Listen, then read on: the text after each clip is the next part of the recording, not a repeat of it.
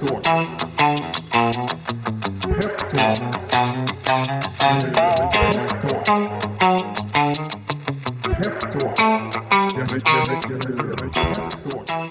Hej och välkommen till ett nytt avsnitt av Peptalk som idag leds av mig, Niklas Danko.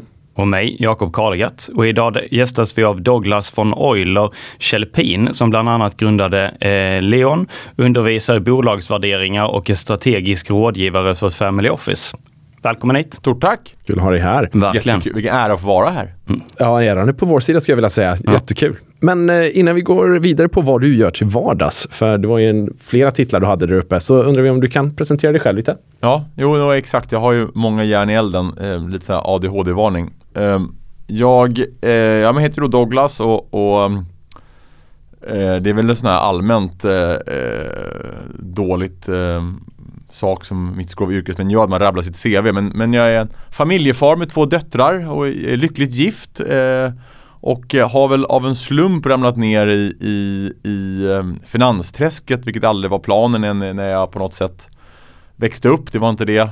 Jag skulle bli uppfinnare eller eh, vad heter det, äventyrare. Eh, men har väl liksom följt den, den spåret ner. Ehm, det blev bara en handelshögskola och sen i Köpenhamn visserligen och sen blev det bank och finans eh, både via, via JP Morgan i London och sen hem här i Sverige. Det var på en svensk-finsk eh, investment bank-butik eh, fram tills att eh, jag har startat eh, en, en egen firma då för, för, för ungefär ett år sedan. Eh, ish. Eh, men jag tror liksom att, att eh, mitt kall på något sätt, alltså är, någonstans så, jag känner mig ju inte som en finansmänniska som har hamnat i finans och, och, och eh, kallet kommer nog någonstans från att jag vill göra finans mindre finans. Eh, jag tycker att det har, och det, har, det är liksom allt från det började med de här små sakerna när man var på JP Morgan, alltså kulturen är förfärlig. Nu ska jag inte, det är kanske en sån här grej vi får bryta bort sen att säga kulturen är förfärlig. Men på stor amerikansk eh, investmentbank så liksom, eh, inte min typ av kultur, väldigt hierarkiskt sådär. Så att det började med sån, sånt jag kände att här, här vill jag stå upp för någonting och sen har det nog växt och bara blivit mer och mer större kall att kan vi inte göra den här typen av yrke, industri, marknad mer tillgänglig för, för resten. Spännande. Så det, det är väl det som har präglat ner mig där jag hamnat idag. Tycker jag rimmar väldigt bra med Peppins generellt också, att vi ska försöka göra någonting krångligt, mer tillgängligt och mindre komplicerat som du säger. Även fast eh, man, det är väl många inom finans som på något sätt gör sin egen uppgift eller får den att låta krångligare än vad den behöver vara för att insteget och konkurrensen ska vara svårare. Är inte det en dålig norm för finans generellt? Jo men ab- absolut liksom och, och, och eh, det ligger väl i vårt intresse att, att det uppfattas som rocket science liksom. Eh, med det sagt så tycker jag att det är ju rätt spännande, nu är det extremt dålig timing för de som inte vet det och så just idag så faller ju bank efter bank eh, i skrivande stund här så att en dålig dag att tala om, om det men, men jag tycker det är en rätt spännande utveckling. Så alla talar väldigt mycket om hushållens belåning sedan 2008 och, och alla, alla, alla lånar mer och alla ska göra liksom snabba klipp och sådär. Men ju- vi ser ju, eller jag har slagits av att jag ser samma utveckling i bland vanliga bolag också. Ehm, när räntan blev väldigt låg och kapital blev väldigt mycket så har ju börserna stigit och, och ma tillväxt har värderats på börsen lika högt som organisk tillväxt. Eh, och helt plötsligt när du träffar folk liksom, som inte sitter runt Stureplan i Stockholm utan bara vanlig, eh, oförskämt säga vanligt, vanligt folk men liksom folk som har fina svenska bolag, omsätter någon hundra miljoner servicebolag, installationsbolag liksom. Så. Helt plötsligt talar de också om att vi ska växa med det här MOA och vi ska eh, vi ska ta in finansiering vi ska ta in delägare som helt plötsligt har det blivit hushållstermer att jobba med de här finansiella hävstångarna som inte riktigt var där innan. Eh, och det har jag fascinerats över. här, Hur kan man tappa in i det på något sätt? Ehm, hur kan vi, nu låter man nästan lite sådär eh, Robin Hood-aktig. Hur kan man liksom flytta det här från någon form av monopol kring riskkapitalbolagen på Stureplan ut i landet? Men det är ändå det som har hänt av sig självt. Att folk tittar på storskogen och säger shit, vi borde också köpa bolag. Liksom. Det där verkar ju lätt och eh, bra. Um, så det där, det där tycker jag är jäkligt spännande. Sen så, eh, ett roligt exempel, jag åt wienerbröd uppe i Norrland med tre äldre herrar som, som liksom berättade att de hade som plan att göra en exit. Och, och, och pratade om, om Bianca Ingrosso och att göra en exit. Så här. Och Jag reflekterar också så här, när blev det en hushållsterm att man ska göra en exit? Eh, det har också kommit sen, tycker jag, uppfattar det som det har verkligen stuckit iväg sedan 2008 det här. Man ska göra en snabb grej, säljare och casha hem. Mm. Mm. Men eh, ditt bolag eh, Leon, det ja. är, ju, är, ju, med lite på samma tema där med att göra det enklare eh, med de här eh, finansiella delarna så att säga för, eh, för, för gemene man också. Vill du berätta lite om bolaget? Ja, ja men det är väl exakt det. Mm. Om jag någonstans började min karriär i finans med att jag skulle slåss för att kulturen och rekrytering och sånt där skulle bli mer eh, normal. så har det liksom växt fram till att fasken, det är hela industrin som måste bli mer normal mer, mindre finans och mer folklig på något sätt. Um, och då började vi i det här uh, bolaget Leon just därför att, att uh, när jag föreläser i värderingar så, så möter man ju folk där ute um, som vill göra allt det här. Och, och då så här, hur kan vi skapa en plattform som gör det här möjligt då? Uh, och då har jag pratat med väldigt mycket folk vad de behöver för hjälp och liknande. Och det är klart, Eh, jag har väldigt stora ambitioner för det här och, och, och, och jag hade jättestora ambitioner när jag satte igång de här utvecklarna byggare och sen får man skala ner för man ska ha råd att bygga det också. Eh, så då började vi egentligen med den första frågan, vilket den första, andra och tredje frågan är alltid värdering och pris. Eh, sen kommer liksom massa andra frågor till det men då börjar vi där och, och hur kan vi göra den här delen av av, av, och det är inte bara så här förvärv utan det är också ta in delägare eller man har aktieägaravtal eller man är bara allmänt nyfiken. så är ju det en större och större och viktigare och viktigare komponent. Så det, vi bygger liksom en digital plattform eh, Vi kallar för en digital investmentbank och det har att göra med att det inte bara är ett, inte så att vi gör glorifierad Excel utan vi bygger en plattform där du får all data, all möjlighet att göra det men också där vi är fullt, ger fullt stöd. Um, för det är också mycket man bara vill prata av sig så här, eller bara stämma av, bara dubbelkolla att jag tänker så här och så här. Så att vi, vi vill liksom göra det extremt enkelt och låga barriärer för, för en användare och få det stödet de behöver. Eh, vilket jag tror fortfarande man behöver en människa till. Så det är inte, inte en glorifierad Excel men, men vi har byggt in då eh, Vi har byggt in de komponenterna med framförallt också riktigt bra data som inte bara är så att vi ger 6000 datapunkter utan vi de facto granskar, analyserar och kvalitetssäkrar. Så det, du får Leon-data som vi står för. Slutsatser och sådär. Multiplar, olika industrier och, och avkastningskrav på sektor och sådär. Så det är helt enkelt att användaren eh, kan på ett bra sätt få fram en värdering eh, av sitt bolag. Eh, en, vi rättade lite, ja, men med, med, en, med en justering. Ehm, för jag är ganska mån om att det här inte är är, är, det är inte som Bolet du så här, får en värdering på ditt bolag på fem minuter. Det är ett verktyg så du kan värdera ditt och andras bolag. Men, men det är fortfarande du som användare som på något sätt gör magin. Eh, men vi digitaliserar allt det andra. Eh, men du måste ta lite ansvar också. Såklart. Men då känner jag att eh, utöver att programmet eller systemet såklart underlättar i mångt och mycket så bygger det här på din erfarenhet från dina tidigare arbetsuppdrag och utöver att vara grundare för Leon så är du också representant i flera styrelser där det här är någonting ni tittar på varje dag. Vill du hur skulle du vilja titulera dig själv egentligen? Och vad, vad har du för andra uppdrag ja. utöver Leon idag? En jäkla bra fråga. Nej men um, um, Ja du, eh, alltså jag har massa andra uppdrag. Jag sitter i ett gäng styrelser. Jag hjälper eh, ett family office eh, med deras investeringar. Jag investerar ju faktiskt mina egna pengar och min, eh, jag och min hustru eh, investerar våra pengar. Eh, och sen så är det Leon då. Ehm, och, och jag vet inte jag har väl nog inte satt någon titel på mig själv. Om du går in på LinkedIn så står det bara eh, Leon och Douglas. Um, någonstans här fundamentalt uh, om, jag, om man går andra perspektiv, när jag kollar bak uh, när jag ligger där på dödsbädden och kollar tillbaka så kommer jag nog inte riktigt bry mig om titeln så länge jag uh, känner, så som Gene Simmons sa, as long as it's one hell of a ride så, så är jag nöjd med, med vad, vad folk vill kalla mig. Men jag gör, jag, som, jag, jag mår bra att ha mycket saker igång. Eh, så att utöver det här, så här, jag är kassör i varenda i förskolan, jag är kassör i jaktlaget, jag är kassör i, i, i bostadsrättsföreningen. Jag, jag, jag, slut, jag har liksom problem att inte engagera mig i grejer. Och jag tycker det är kul, jag får energi av det för det mesta. Ja, vad roligt. Eh, men om vi pratar lite värderingar, det är ju liksom en, eh, alltid en het fråga det där. Men vad skulle du säga är de största skillnaderna på eh, värderat till onoterat bolag och ett noterat? Mm. Nej men det är klart att det, det, det finns ju många likheter mer om man börjar där. Det är ändå fundamentalt som bolag man ger sig på. Sen är det ju så, det onoterade är ju Du har ju de eh, Du har ju det aktiepriset i realtid där hela tiden liksom så, så, så. Eh, och det gör ju liksom att det är hela tiden aktiepris som är huvudsatsen.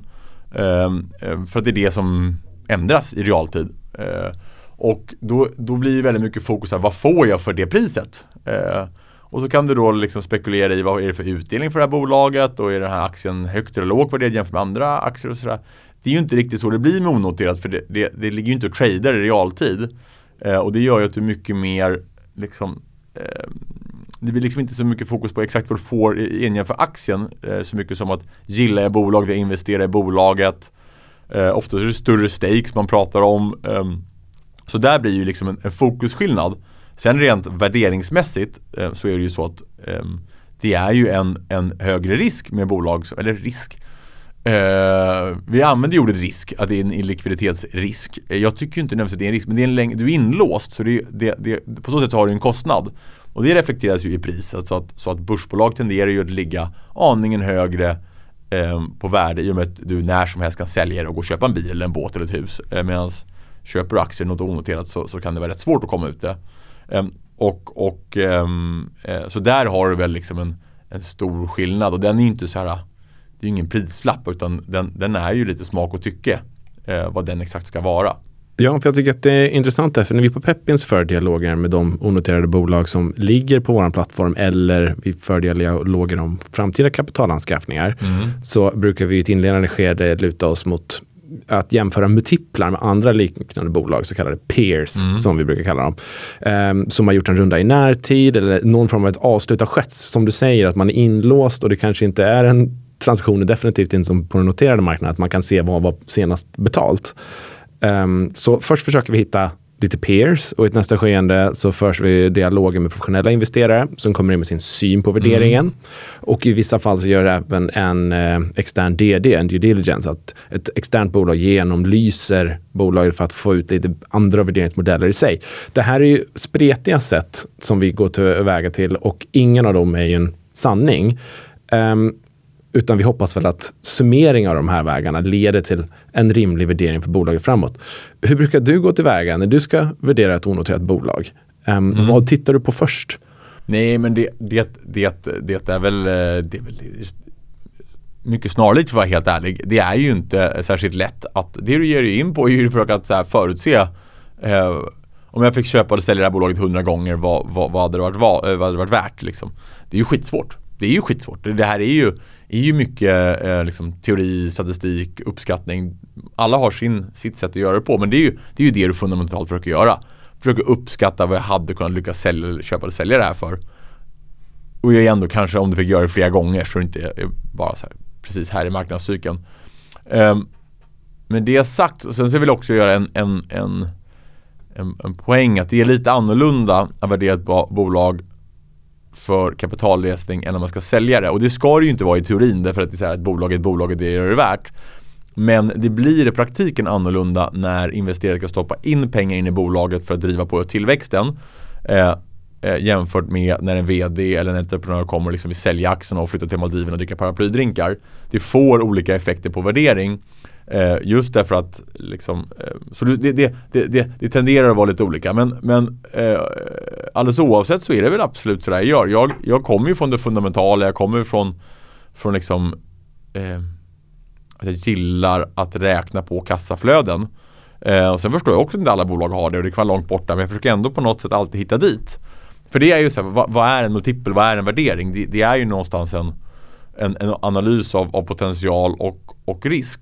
Um, och då är det så här, då försöker man ju hitta liksom, vad kan jag på något sätt eh, kalibrera fram. Så jag kollar på peers, absolut. Är det, är det, liksom, är det ett bolag eh, som ska säljas och köpas helt och hållet. Då försöker man hitta sådana typer av peers. Bolag som har köpt hela bolag som sälja. Är det kapitalresning kollar man ju på andra bolag som har rest pengar och försöker pejla. För det är ändå en viss eh, skillnad i dynamik däremellan.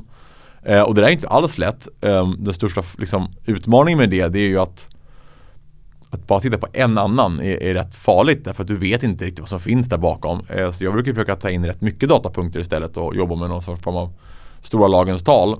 Så det är ju liksom ett sätt. Um, ja, men, eh, jag ska värdera Klarna och då tittar jag på Pay, Paypal eller något annat liksom och försöker kalibrera. Eh, nu är det ju väldigt stora och kanske triviala exempel men, men, men eh, Ehm, men, men sen gör jag också liksom en kassaflödesvärdering. Jag brukar ju ofta, när entreprenören sitter i rummet och, och man får prata med den, om vi nu talar kapitalresning igen då, så är det kanske något bolag som växer och och inte har eh, intjäning eller omsättning än. Då försöker jag på något sätt så här, men okej. Okay, du ska bygga den här draken, det här mästerverket liksom. När du är där, vad, vad är det för någonting då? Berätta. Ja men då är det det här, det är så här stor marknad, vi kommer ta så här mycket. Så försöker jag liksom trycka in det, men kom, vi försöker få ner det till en siffra. Hur mycket omsättning talar vi? Är det, är det en miljard? Är det 10 miljarder? Är det liksom 100 miljarder? Vad, ge oss någonting. Ja men då kanske det är så här, men vi kanske kan omsätta vet, en miljard. Ja okej, okay, toppen. Så vad, vad tror vi är den rimliga mm, liksom, marginalnivån på sådana här typer av bolag?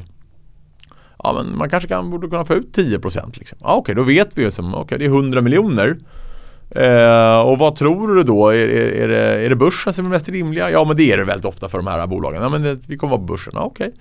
Ja men vet du då att ni kommer omsätta en miljard och ni kommer ha 100 miljoner i någon form av ebit eller ebitda så kan jag ju titta på, på säga, Stockholmsbörsen. Ta fram någon form av antingen sektorbaserad multipel eller en average multipel. Okej okay, men multipeln på Stockholmsbörsen är 15 gånger. Ja men okej okay, då tar jag 15 gånger gånger 100 miljoner och då är det en och en halv miljard. Liksom, okej. Okay i teorin då borde det här bolaget kunna vara värt en och en halv miljard då. Hur lång tid bort är det här? Ja men det är om fem år eller tio år. Okej, okay, då kan jag ändå göra någon form av nuvärdesanalys av det här. Det är jättetrubbigt men det ger ändå någon form av eh, fingertoppkänsla ifall personen i fråga är galen, spritt språngande galen eller liksom har rökt gräs galen. Um, vilket är ändå rätt skönt om man liksom ska stoppa in pengar i bolaget. Och så, eh, sen ska man inte underskatta en person som överskattar sig själv men, men, men um, då vet man i alla fall att man tar, nu tar jag risk. Liksom. Jag hoppar på det här. Så jag gör ju liksom de klassiska metoderna. Man får ju bara vrida och vända lite på dem så de passar eh, för ändamålet. Mm. Eh, du var inne lite på det där att det var en skillnad i eh, värderingen beroende på om det är liksom en, en founder som ska göra en exit ja. eller om man tar in pengar för att, för att driva bolaget vidare och fortsätta växa. Vill mm. du liksom lägga ut resonemanget lite mer kring det?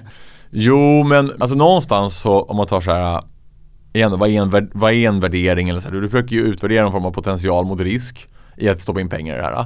Eh, och många av de här bolagen som söker kapital, de gör ju det för tillväxt. Så det är väldigt mycket fokus på just tillväxtkomponenten av det.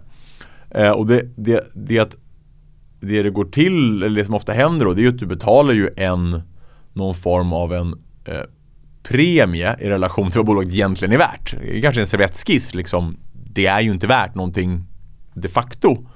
Om det blev anarki så hade inte den servettskissen gett mig några kor liksom. Eh, utan, eh, men Eh, utan man, man, man är ju villig att här, betala någon form av premie till vad det faktiskt är värt för att det är en jätterabatt till vad det här bolaget då kommer bli när den omsätter en miljard och har 10% marginal. Eh, och, och, då blir det väldigt mycket fokus på just den dynamiken. Liksom. Eh, och de här pengarna du stoppar in ska ju ta bolaget dit. Um, så det blir som en annan lite typ av fokus kring, kring, kring, kring värdet. För värdet är så himla mycket i framtiden. Um, eller bara i framtiden då. Eh, medans, medans när du köper och säljer hela bolag så är det också visserligen framtid man köper. Men jag skulle säga att historiken får en betydligt mer ehm, eh, större komponent. Eh, om det är rätt eller fel, det är säkert fel eh, rent, rent forskningsmässigt för att det är ändå bara framtid du köper. Men det, det, det, det, lägger sig mer som ett våt täcke över, över, över värderingen. Vad du historiskt har lyckats med. Um, och många resonerar ju så att säga, men jag är villig att betala för hur långt jag tagit bolaget nu och framtiden vill jag äga själv, rätt eller fel. Um, så där har du en stor komponent. Du får liksom mer historik inkopplat till om, bo om bolaget ska säljas helt och hållet. Skulle jag säga. Och jag tror att du redan på viss, eh, viss nivå var inne på det. Men vad skulle du säga är de största fallgroparna i så fall? Där många går fel i försök att värdera onoterade bolag. Och jag gissar att det kan vara olika fel från en säljares perspektiv och en köpares perspektiv. Ja, Jo men och, och, och, och vi börjar med lite lättare då med så här, Om vi inte går ner kapitalresningsspåret eller de här riktiga start, VC startupbolagen för att det, där, där, finns det ju väldigt många eh, fallgropar. Eller, liksom, det är ju mer svår, svår materia generellt sett. Om vi börjar bara med, med, med vanliga bolag som, som omsätter och tjänar pengar och sådär. Då, då skulle jag säga att den största utmaningen är ju att folk på något sätt tappar kontakten till marknaden. Um, och det märker jag liksom via Leon, en av våra största kundgrupper är ju revisorer. Som ska sitta och värdera bolag uh, och de jobbar ju inte med det. de är ju inte mäklare i marknaden. Liksom, de, de försöker på något sätt, och då blir det väldigt mycket fokus på just den här diskonterade kassaflöden. Och det blir rätt teoretiskt och rätt akademiskt. Och så tappar du liksom eh, eh, kopplingen till, till, till, till, till verkligheten. Och just den här DCF eller diskonterade kassaflöden, det, det, är just favoriter om du går till din lärare i skolan eh, eller en professor på handel som går till en revisor. De älskar den här. Medan går ut i marknaden, då får, talar ju folk eh, väldigt mycket om multiplar. Jag vill köpa ditt bolag för fem gånger vinsten, sex gånger vinsten. Så varför? Det är för det är en väldigt trevlig metod. Det är rätt lätt att greppa det. Det är rätt lätt att prata om det. Så jag vill betala fem, fem gånger din vinst. Nej, fan betala sex. Ja, så byter man namn och så hamnar man på fem och en halv. Det vill säga DCF, då betalar du avkastningskrav. Så jag vill köpa ditt bolag på ett avkastningskrav på 13 procent. Säg, eh, vad fan ska jag förhålla mig till det liksom? Eh, det är klart du kan sitta och räkna i Excel och så kommer du fram till någonting men den, den är ju liksom inte använd i, i praktiken. Men jag har jobbat stora delen av, av min professionella karriär då runt, runt, runt här i Stockholm med riskkapitalbolag som jag skulle säga bland de eh, många brister men de är framförallt väldigt duktiga på att värdera bolag och köpa bolag och de köper väldigt mycket bolag. Aldrig någonsin har de bett mig göra en DCF. Man talar alltid multiplar liksom för det är där det är där man på något sätt kan säkerställa att man, man, man håller koll på marknaden. Så där kan jag säga den största utmaningen för oss som, så att säga, som, som om man säger, i den här utmaningen att ta, att ta det här eh, möjligheten att jobba med finansiella instrument ut till, till, till liksom alla svenska bolag så inte det är någonting som bara sker här i, runt kilometern runt Nasdaq liksom så, så är det just det att få folk att förstå var värdena kommer ifrån och på något sätt både hjälpa revisorer men också alla där ute att, att så här, släppa teorin och komma till praktiken. För det är det, det annars kan du, det finns en väldigt stor risk att du värderar bolaget till någonting som inte går att sälja det för. Och då har du inte riktigt lyckats med din värdering. Eh, och det är en stor risk för dig själv, liksom, att äga någonting så tror du att det är värt någonting och så visar det sig att det är värt något helt annat um, i marknaden. Men om vi, om vi går tillbaka lite till, eh, till peers som du säger är liksom ett sätt som, som många gör för, för att komma fram till de här liksom multiplarna. Eh, eh, hur skulle du säga att man hittar relevanta peers? Eh, ja, eh, givetvis att man går och blir eh, kund på Leon för där har vi ju den helt ultimata eh, peersen för per sektor som jag själv har tittat och kvalitetssäkrat på. Nej men skämt åsido, men, men någonstans är det så här den största risken tycker jag det är att man tar Ehm, det är klart så här, i teorin då så är det bäst att du hittar om du har ett rött äpple och hittar ett annat rött äpple och så drar du slutsatser och det blir perfekt. Det är bara det funkar liksom inte så i praktiken. Ehm, och i och med att du inte riktigt vet vad som ligger liksom, vad folk har kommit överens om utöver pris så finns det ju risk att man, att man, att man missar mycket. Till exempel ehm, om jag vill köpa ett bolag och eh, det är ett stort personberoende och entreprenören jag flyttar till Maldiverna och dricka drinkar. Det är säkert ett pris, vill den stanna kvar och jobba i bolaget i tre år till och se till att det blir en bra överlämning. Då är det ett annat pris. Och det där kan du inte se, du ser bara vad priset är. Um, och då, då är nog min lösning på det att du tar tillräckligt många peers. För att då kommer det vara några entreprenörer som åker till Maldiverna och några som stannar kvar och så får du både och. Um, så det, jag vurmar nog mer för att du, att du liksom fyller upp och jobbar med stora lagens tal och får nog, du får nog leva med att det här är statistik. Och, och, och, den som har läst statistik då på, på, på skolan vet ju att här, har du färre än 30 datapunkter till att börja med då är det bara tack och godnatt. Så att det ska vara rätt många man tittar på. Och på Leon då brukar vi jobba med hundratals. Så här, ja det kan vara någon, vi vet inte alltid men börjar vi få in hundra byggbolag ja, men, och sen så har jag själv gjort ett tiotal själv. Ja, men jag är rätt säker på att de här multiplarna för byggindustrin det är nog var det ligger någonstans. Um, så det ligger nog mycket att, att säkerställa att du inte hamnar ner och titta på, på liksom den individuella. För I teorin ja, men i praktiken är det väldigt, väldigt svårt att, att hitta rätt där. Ehm, det hade jag varit. Sen då när du ska liksom välja ut peers och sådär, då, då börjar nästa övning och det är ju liksom också vad vi då på Leon har gjort så att man måste ju få bort då bolag med väldigt tydliga synergicase. Så här har jag hittat en transaktion, den verkar, verkar eh, lämplig men shit, den har ju köpts av, av de här och de hade hur mycket synergi som helst.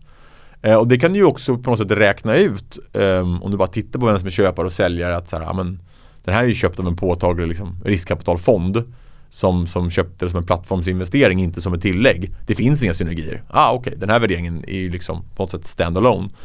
Så man måste ju liksom gå igenom dem och rensa eh, och verkligen titta att, att, att, uh, att eh, det verkar rätt. Sen börjar nästa så här. Okej, okay, okay, nu som ni märker, det här är någonting jag tycker är rätt kul, eh, sjukt nog. Eh, men, men det är också så här, till, tillväxtprofilen, bolagen, kassaflödesprofilen, alltså allt det här är ju relevant. Att på något sätt ska det ju vara ett bolag som delar många likheter med ditt eget. Um, det är bara att det inte finns säkert något som är identiskt. Så då får man jobba med lite olika grupper och sådär.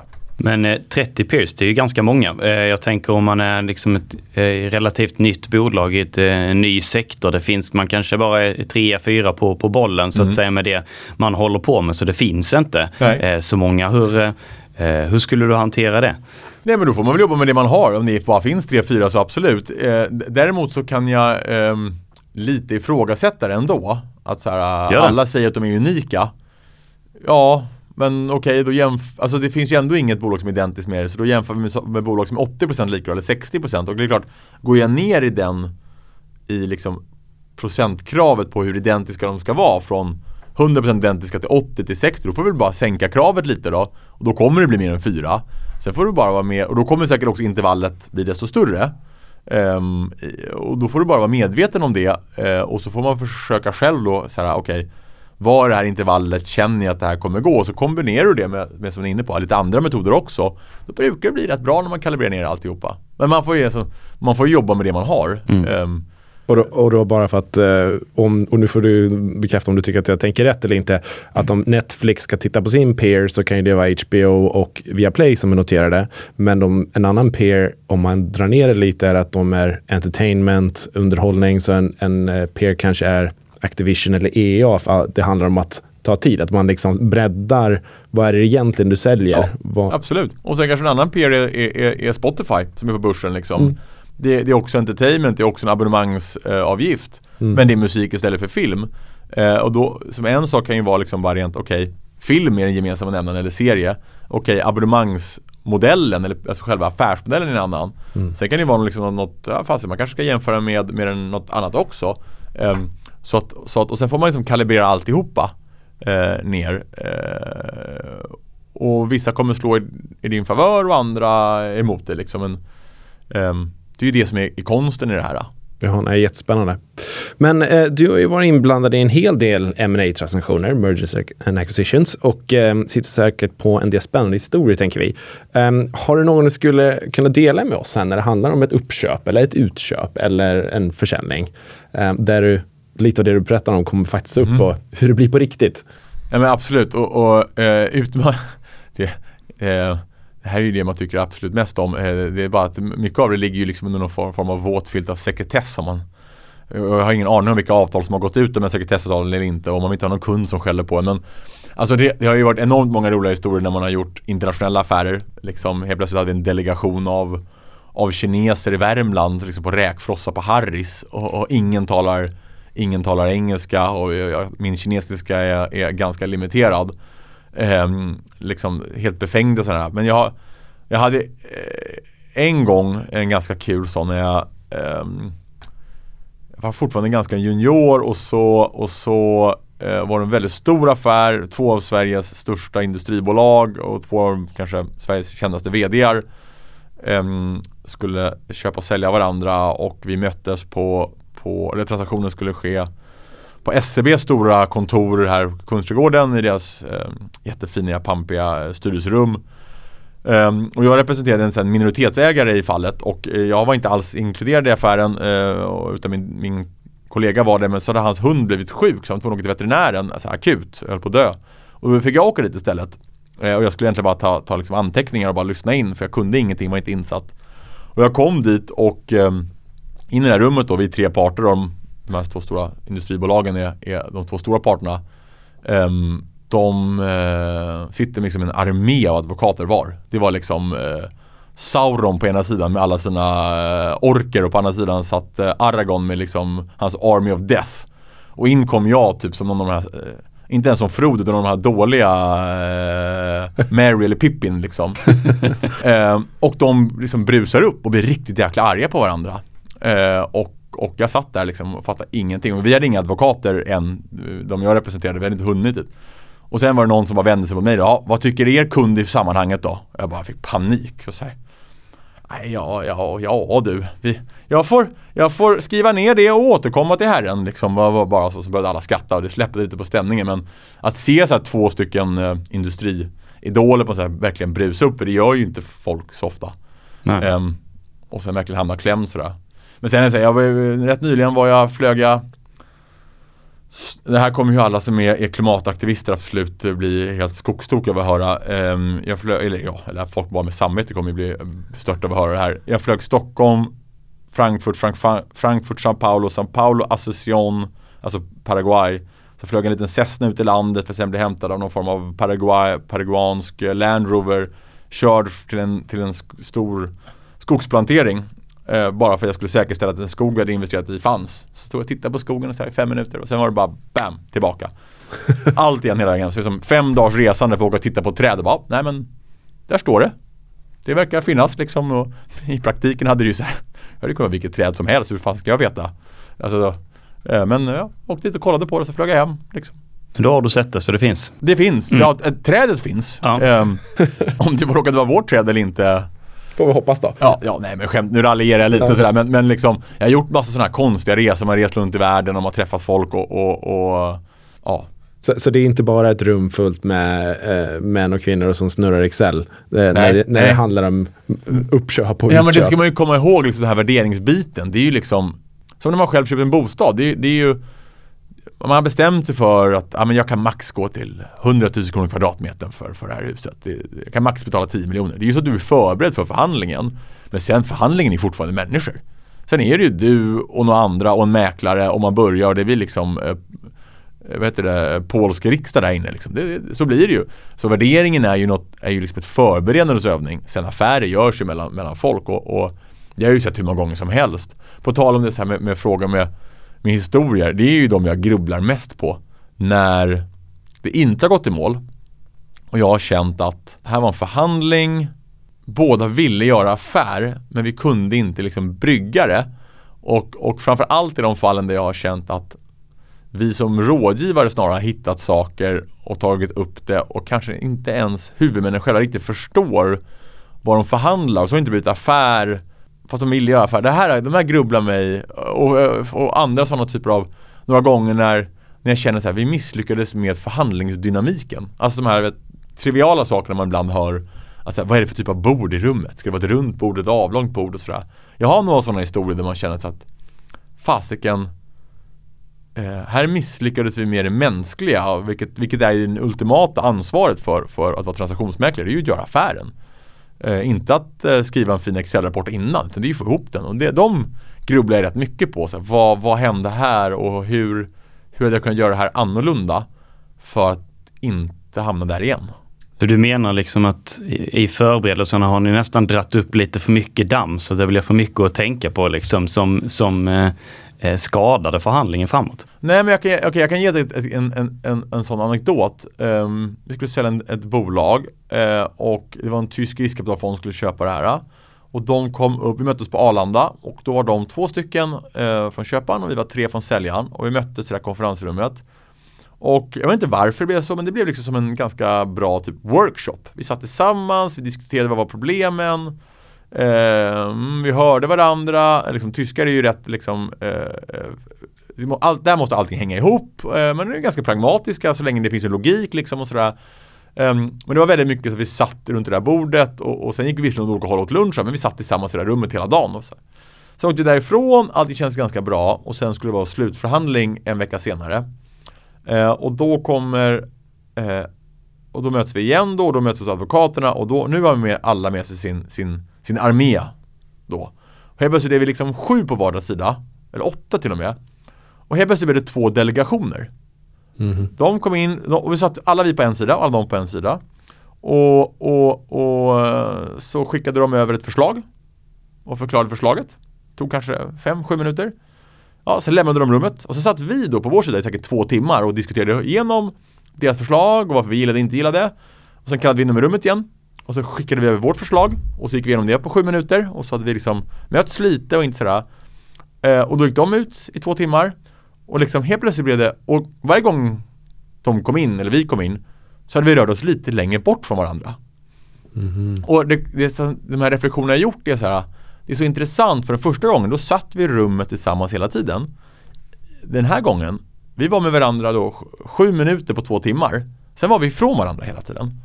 Eh, det här med att det var två delegationer snarare än att det var fyra, fem stycken. Vi hittade liksom ingen form av bonding mellan parterna. Tillit kommer inte bara av mjuka grejer man sitter, som vi gör just nu, sitter över ett bord liksom och så här, du kan du passa mjölken liksom. Utan, eh, och det där har jag grubblat rätt mycket på att båda vill göra affären men på grund, jag verkligen på grund av den dynamiken där, inte bara, men som, så lyckades vi inte skapa en förutsättning för att få ihop affären. Och det, det stör mig för det är ju liksom på något sätt mitt, mitt, har ju varit mitt huvudmål som, som transaktionsmäklare. Um, att, att, lyckas med det. Och det, jag menar, eh, så är det ibland när det är, eh, det här var väldigt stora bolag också, vi talar miljardaffärer eh, och det är väldigt mycket jurister och, och, och, och finansiella rådgivare och huvudmän och sådär. Men um, att lyckas med det, där ligger ju värdet på något sätt. Mm, och få till omständigheterna och inte bara Jag får till affären. Ja. Och, det, och det, det, är ju en konst, det vet ni ju själva från nästan bo, bo, liksom, säkert bostad någon gång. Så här. Det finns bara vissa mäklare som har någon form, de, de har det, vad nu det är. Men de är lagom sköna, men inte för sköna. De är lagom stränga, men inte för stränga. Man, så man känner liksom, man är taggad, man vill vara med, man känner att man har en chans. Fast man kanske egentligen inte har en chans, man tar inte för givet heller så jag vet att jag måste lägga mitt bästa bud. Vissa är ju bara jäkligt bra på att samma sak i en sån setting då där hade ju, skulle man ju ha varit bättre på att mjuka upp stämningen och skapa den gratiska tilliten och, och, och det konstruktiva eh, hade ju varit liksom, eh, var ju det jag skulle ha gjort bättre. Eh, vilket jag inte, uppenbarligen inte riktigt lyckades med i fallet. Um, och det är ju liksom, man ska ju vara dealmakern och det, ja, det har jag grubblat mycket på. Och jag har säkert nu ska jag inte eh, skjuta ner mig själv som världens sämsta mäklare för jag har, jag har flera sådana historier liksom jag har grubblat på de gånger det inte gått i mål. Så varför Jag är en ältandes person så det är väl så man lär sig att man inte hamnar där igen. Såklart. Men, men eh, det är sjukt spännande tycker jag med den mänskliga komponenten av finans för att all finans antar alltid att folk är rationella och liksom mm. det är väldigt mycket människa i det också. Men jag tänkte på det, det du liksom är inne på är att det är en hel del liksom strategi i, eh, i de här rummen. Eh, vill du liksom berätta lite om de, de vanligaste strategierna du ser när du, när du liksom går in och eh, är då för en säljare eller en köpares perspektiv för att, för att få, igenom, få sin vilja igenom? Ja, ehm, ja men det, det finns, jag vet inte det finns i alla fall några fallgropar um, som jag har plockat upp och, och jag, har, eh, jag har ju själv gått förhandlingsutbildning och, och, det är jättebra att göra sånt för att um, det finns ju liksom till exempel att man, man tror att, att den som har bäst rationella argument vinner en förhandling är ju väldigt sällan sant. Och det är ofta det som så här, advokater bygger hela sitt existensberättigande eh, på. Så här. Men man kan förklara det här så här. Ofta så är det ju inte så att det hjälper så mycket i en förhandling. Att, att att sitta och förklara för någon på 74 olika sätt med 74 fantastiska argument varför du har helt fel.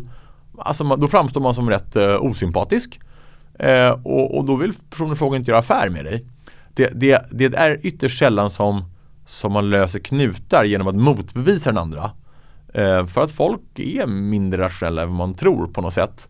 Ehm, utan, utan ofta är det nästan bättre att så här, ah, lyfta blicken, okej okay, du säger så, jag säger så, vi släpper det. Så här, hur hittar vi istället vägar fram då och liknande. Um, och, det är också när då så här, folk frågar hur, hur jag använder värderingar i, i förhandlingar. Alltså, väldigt sällan som jag liksom som jag tar in värderingsbiten i förhandlingar för det tenderar inte heller att bli någon så konstruktiv dialog. Man kan bara så här, du räknar ABC, jag räknar 1, 2, 4, vi räknar på olika sätt men summa kardemumman är att du är på 100, jag är på 80 okej, okay, vi har en brygga på 20. Så antingen så löser vi det eller så löser vi det inte. Eh, och snarare gå ner den avenyn snarare än börja diskutera procentsatser eller faktorer eller multiplar och, och försöka liksom eh, eh, hitta det. Ehm, sen så eh, finns det en faktisk aspekt som jag funder, också funderat rätt mycket på som är rätt kul. Det är ju det här med vilken typ av förhandlingsstrategi funkar bäst. Eh, vissa är trevliga, vissa är stränga och sådär. Eh, och alla, inklusive mig själv då, kanske tycker att eh, Amerikas förre president Donald Trump är en ganska bufflig typ som, som man inte gärna hade eh, efterliknat själv. Eh, men jag har sett några sådana människor under förhandlingar som är så extremt buffliga och tar för sig. Och jag undrar fasken om de inte får med sig mer ändå i förhandlingar än någon annan, vilket jag avskyr att konstatera. Men liksom, de är så buffliga att folk liksom inte orkar i slutändan. Eh, sen, och sen säger folk så här, ah, jag ska all, alltså, så tror jag alla konstaterar att fasiken, de fick med sig rätt mycket. Men så kommer det med den här slutklämmen, ja, men vi, men vi kommer aldrig göra affärer med honom eller henne igen. Ah, sen tycker jag, jag ser honom på Dagens Industri en månad senare gjort en ny affär liksom. Och at the end of the day så är det ändå så här money talks. Eh, och det där är lite, tycker jag, moraliskt eh, knäckande. Att så här, fasiken, jag, jag tror att det där är en rätt effektiv strategi. Även om du på något du bränner i någon form av så, du kanske inte blir bjuden på lika många golfturneringar och, och, och eh, 40 och 50-årsfester men, men fasiken om jag inte tror att det funkar ändå på något sätt. Um, ja, i alla fall i den individuella förhandlingen och jag tycker mig se att de verkar, de verkar liksom vara kvar och fortsätta göra bra. Um, sen kan vi hålla på med hur mycket olika eh, förhandlingstaktiker som helst. Jag tror fundamentalt eh, jag är, som sagt, jag är ju inte så jäkla mycket finansig av mig utan de absolut bästa affärerna jag har gjort, de absolut bästa transaktionerna jag har gjort det har varit när det är, är en liknelse till, till alla de som någon gång har gift sig i livet att, att man har kanske många gånger varit ute på krogen och träffat andra så här. Den gången när det blev giftermål och man blev kär och det funkade Det var gången, den enda gången man inte spelade spelet. När man liksom inte skulle vänta tre dagar med smsa eller så mm -hmm. Det är ungefär likadant med, med transaktioner de bästa affärerna är de när man liksom inte börjar hålla på med med förhand översmarta förhandlingstaktiker eller liksom eh, ska vara slug eller försöka lura den andra utan när det är så genuint bara um, det byggs upp en tillit och sen blir det snarare en, en berg att man inte vill vara den som river mot den andra. Det är de bästa affärerna jag gjort. Eh, då går det ofta, alltså man stöter ju på ut, utmaningar ändå. Eh, men det, det liksom är, är, är, då är båda sidor rätt sugna på att lösa det. Så att, um, det känns eh, ändå härligt. Eller hur? Det romantiska. Någonstans är, bor en romantiker inom mig. Eh, och om man kommer tillbaka till Leon, det är ju också så här. Vi vill ju göra, vi vill ju riva de här jävla barriärerna. Att det ska inte behöva vara eh, liksom Wolf of Wall Street aura eh, och man mm. Alltså det är lite som att köpa bil, man känner sig alltid lurad. Varför gör man det? Och jag vill liksom inte att folk ska känna som med, med, med bank och finans också, man alltid känner sig lurad vad man än gör för, för, för deal. Utan det ska liksom men då tänker jag på att eh, det är vid en förhandling, men det är inte endast bolagen som påverkar värderingarna, utan det är också någon som påverkas av vilken sektor bolaget kan mm. verka i. Eh, ibland är det sektorer eller branscher som är superheta, eh, vilket gör att den generella värderingsnivån är väldigt hög. Och vid nästa tillfälle är det något annat som trendar och värderingen i sektorn går ner. Mm.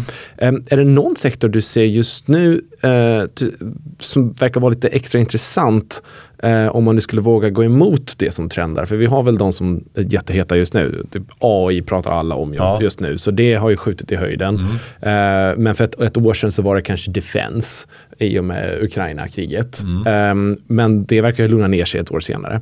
Så om vi blickar lite framåt, är det någonting du tycker är intressant? Ja, Alltså om man börjar med att bara ta sig tillbaka, så här, varför blir det så? För det är jävla spännande, du har helt rätt i det, så här, varför blir det så där?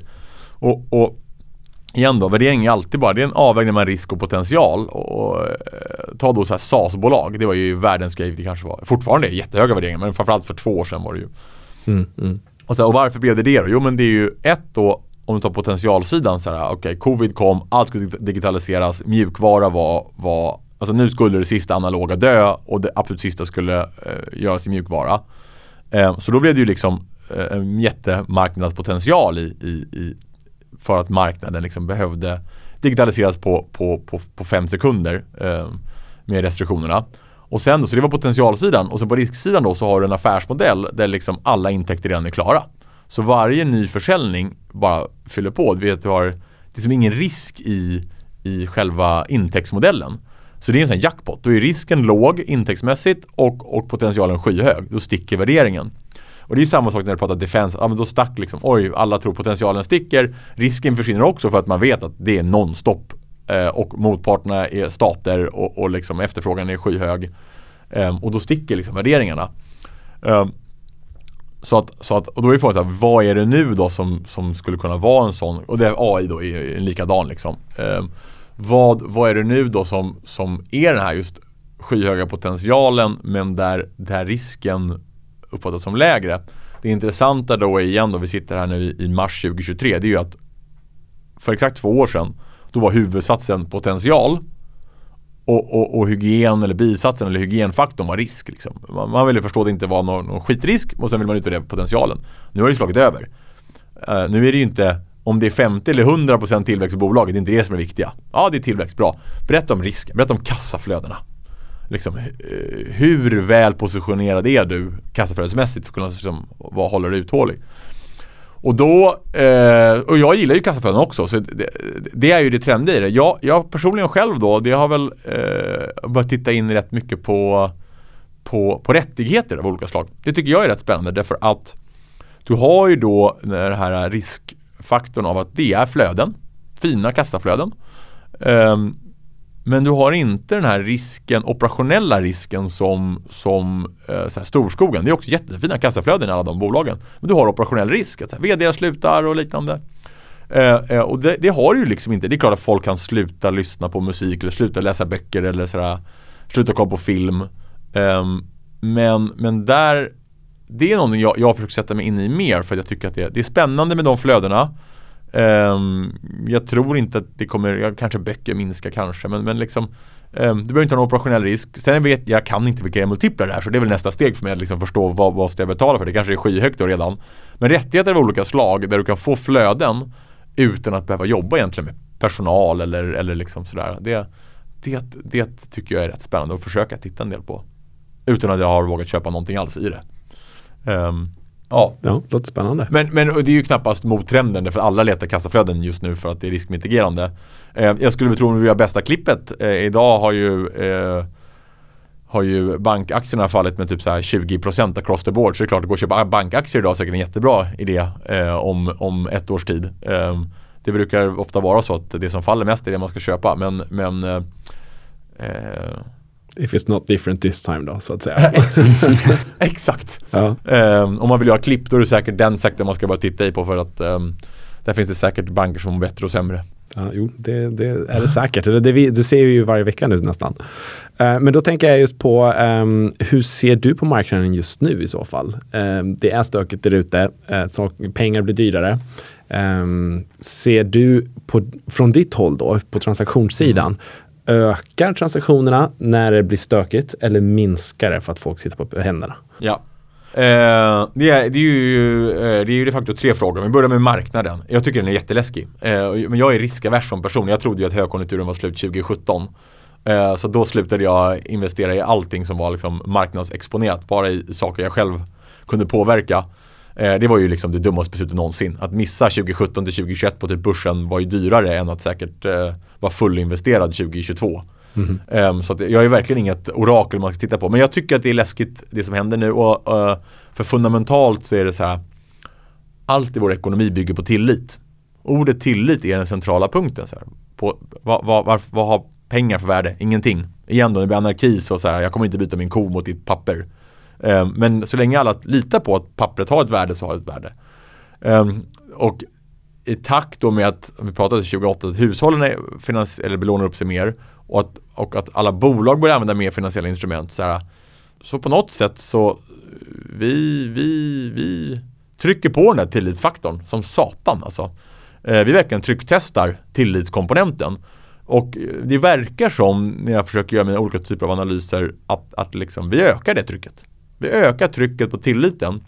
Um, och det är ju det som de direkt gör nu. Alltså en bank börjar skaka lite grann, staten går in direkt.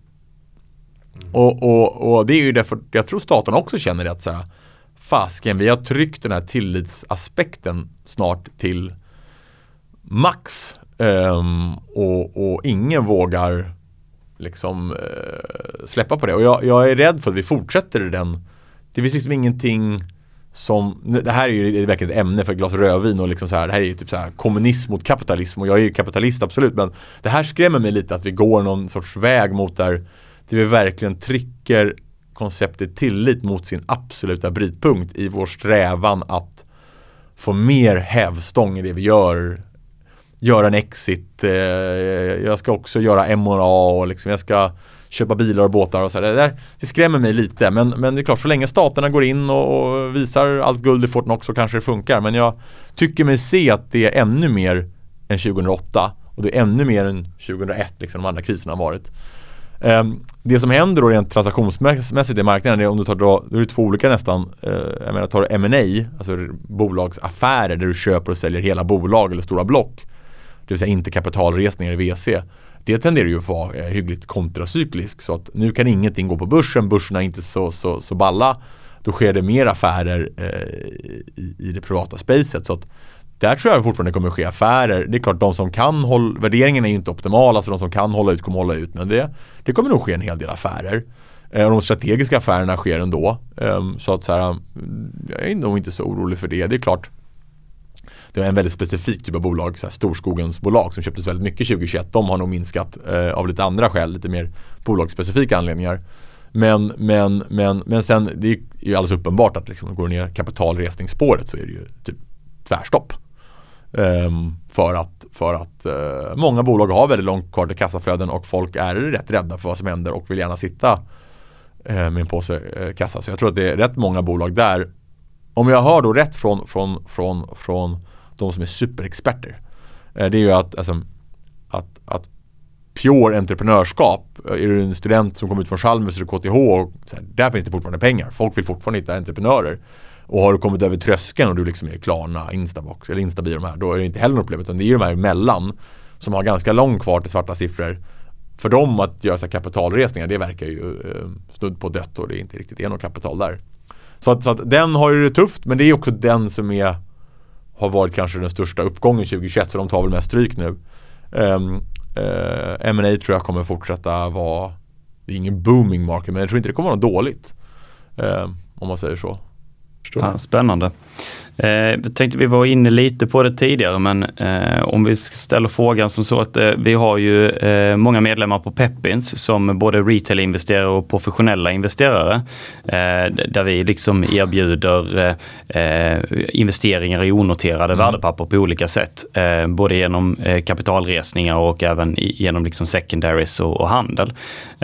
vad tycker du liksom om du skulle skicka med några medskick till dem hur de ska tänka kring sina investeringar? vad, vad skulle du säga då?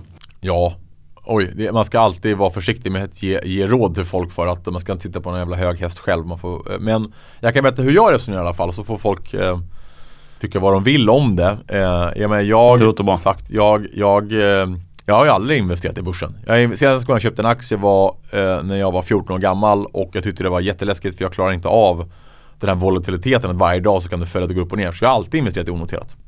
Jag tycker om Eh, sagt, jag, jag, ser det inte som en risk i likviditeten. Jag ser det som en, en, en kostnad du tar men det är också en uppsida du får sen. Eh, jag gillar att investera i saker som jag förstår. Jag gillar att investera i saker som jag får påverka. Eh, så att jag kan på något sätt gå in och, och, och vara med och driva. Och det motiverar mig också att så här, eh, det här är ett bolag där jag verkligen, eh, om jag kavlar upp armarna och går ut och grindar så kommer, så kommer det det kommer att bidra med 1, 10, 20, 50 öre per, per krona, vad vet jag. Um, så så gör jag. Jag letar ju efter så här, bolag som jag känner att jag förstår. Där jag kan faktiskt bidra med värde och där de vill att jag bidrar med värde. Uh, och det här är inte jag, jag och min hustru, vi investerar vi, vi har då full gemensam ekonomi så vi stoppar in pengarna det vi, det vi själva det vi själva begriper och det vi själva kan påverka. Sen har vi några investeringar där vi faktiskt inte får påverka så mycket men då råkar det vara kanske eh, nära personer i nätverket som vi litar så pass mycket på att vi känner att de de facto gör samma sak som vi själva hade gjort. Um, men, men jag gillar den komponenten. att, att um, Sen klart så här, om man då investerar via Pepins och, och man kanske inte tar så stor stake. Um, se till då i alla fall att du, att du eh, eh, uh, uh, jag menar att då, då, kan du i alla fall gå på att du, du, själv, det här är någonting som jag själv begriper och förstår och, och på så sätt kan vara bättre än någon annan på att utvärdera risken. Än. Um, det gillar jag. Och kanske själv konsumera på ett eller annat sätt. Absolut, absolut. Sen ska man bara vara försiktig med att, att eh, jag har ju många gånger gjort fel när jag har liksom eh, tittat på mig själv som konsument och så har jag extrapolerat det på Sveriges 10 miljoners befolkningar och så inser man att alla är inte lika konstiga som jag. Eh, utan de flesta är rätt annorlunda hur jag är. eh, eh, kommer ni ihåg den här filmen eh, Alien? Om man är the, the sane person in a crazy world becomes the crazy person. Mm. Liksom, så att, jag vet inte fasiken om man ska, men, men ja. Det kan vara bra, men man ska vara försiktig med det också. De flesta är ju inte som en själv. Man behöver fundera över det också. Ja, exakt. Ja. Men eh, strålande. Det är ändå eh, väldigt mycket att ta med sig och med det så vill vi passa på att tacka för att eh, du tog dig hit och var här idag. Jättekul att eh, du kom förbi. Jättekul att vara här. Kul Tack. att prata om, om, om någonting som ligger varmt om hjärtat. Härligt. Härligt, det tycker vi med. Tack så mycket. Tack ska du ha. Eh, Jakob, vill du köra disclaimer? Ja men gärna. Investera inte för något Douglas har sagt. Varning för Douglas. Unlimited upside, no downside. Så är det. Kom ihåg att en investering i noterat och onoterade bolag innefattar risk. En aktieinvestering kan sjunka i värde och det är inte säkert att en investerare får tillbaka satsat kapital eller något kapital alls. Ingenting som sägs i den här podcasten ska anses vara rådgivning och tidigare resultat är ingen garanti för framtiden.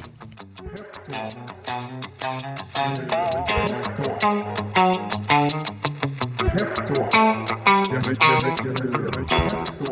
you.